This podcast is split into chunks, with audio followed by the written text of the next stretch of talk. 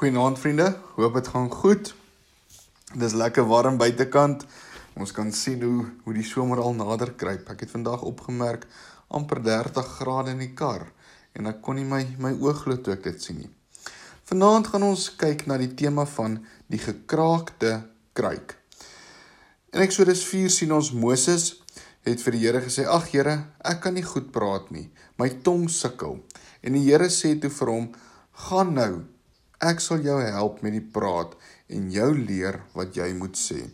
Ons almal ken daai bekende storie van van die waterdraer in Indië wat elke dag twee kruike met water weerskante van 'n draaghout wat hier so oor sy skouers kom en hy hy moet elke dag hierdie twee kruike van die fontein af vir die meester aandra na sy huis toe. En ek het dit goed gedink om net weer vir julle net weer hierdie storie te vertel om dit net weer vars in julle gedagtes in te sit.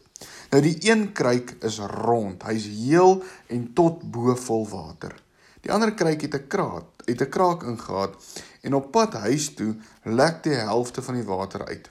Hierdie gekraakte kruik voel elke dag al meer skuldig oor sy gebrek terwyl hierdie heel kruik blink van trots oor sy prestasie.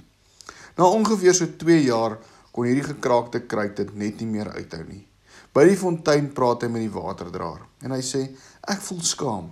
Ek voel skaam oor my gebrek en ek wil U om verskoning vra. Ek bring elke dag net 'n half kruik water huis toe. Die waterluisteraar of die waterdraer luister met simpatie na hierdie gekraakte kruik se belynis en hy probeer hom toe te reg um, gerus stel.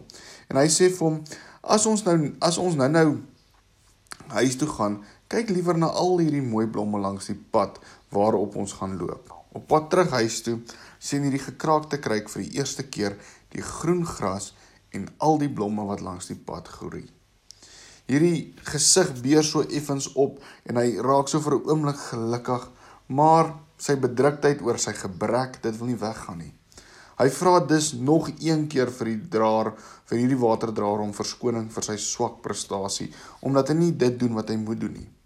Die draer vra toe vir die kruik: "Het jy opgemerk, die blomme en die gras is net aan jou kant van die pad.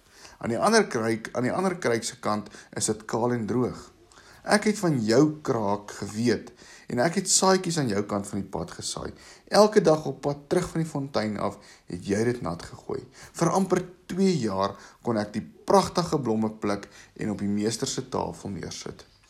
Hierdie storie sluit af met die toepassing: Elkeen van ons het ons eie gebreke. Ons is almal maar net gekraakte kruike.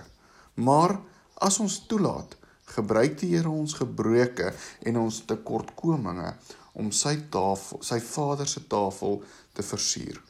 As ons saamwerk en na mate God ons roep tot take vir ons ehm, bedoel, hoef ons nie bevrees te wees vir ons gebreke nie. Go on boldly, knowing that in our weaknesses we will find his strength. You can too bring beauty to his pathway. Voel jy dalk gekraak vandag? Dalk moet jy vir 'n oomblik net stop. Stop vir 'n oomblik, sien die blomme raak, ryk die blomme. En weet, maak nie saak wat met jou gebeur nie, maak nie saak hoe gebreek of hoe gekraak jy is nie. Die Here kan jou nog steeds gebruik.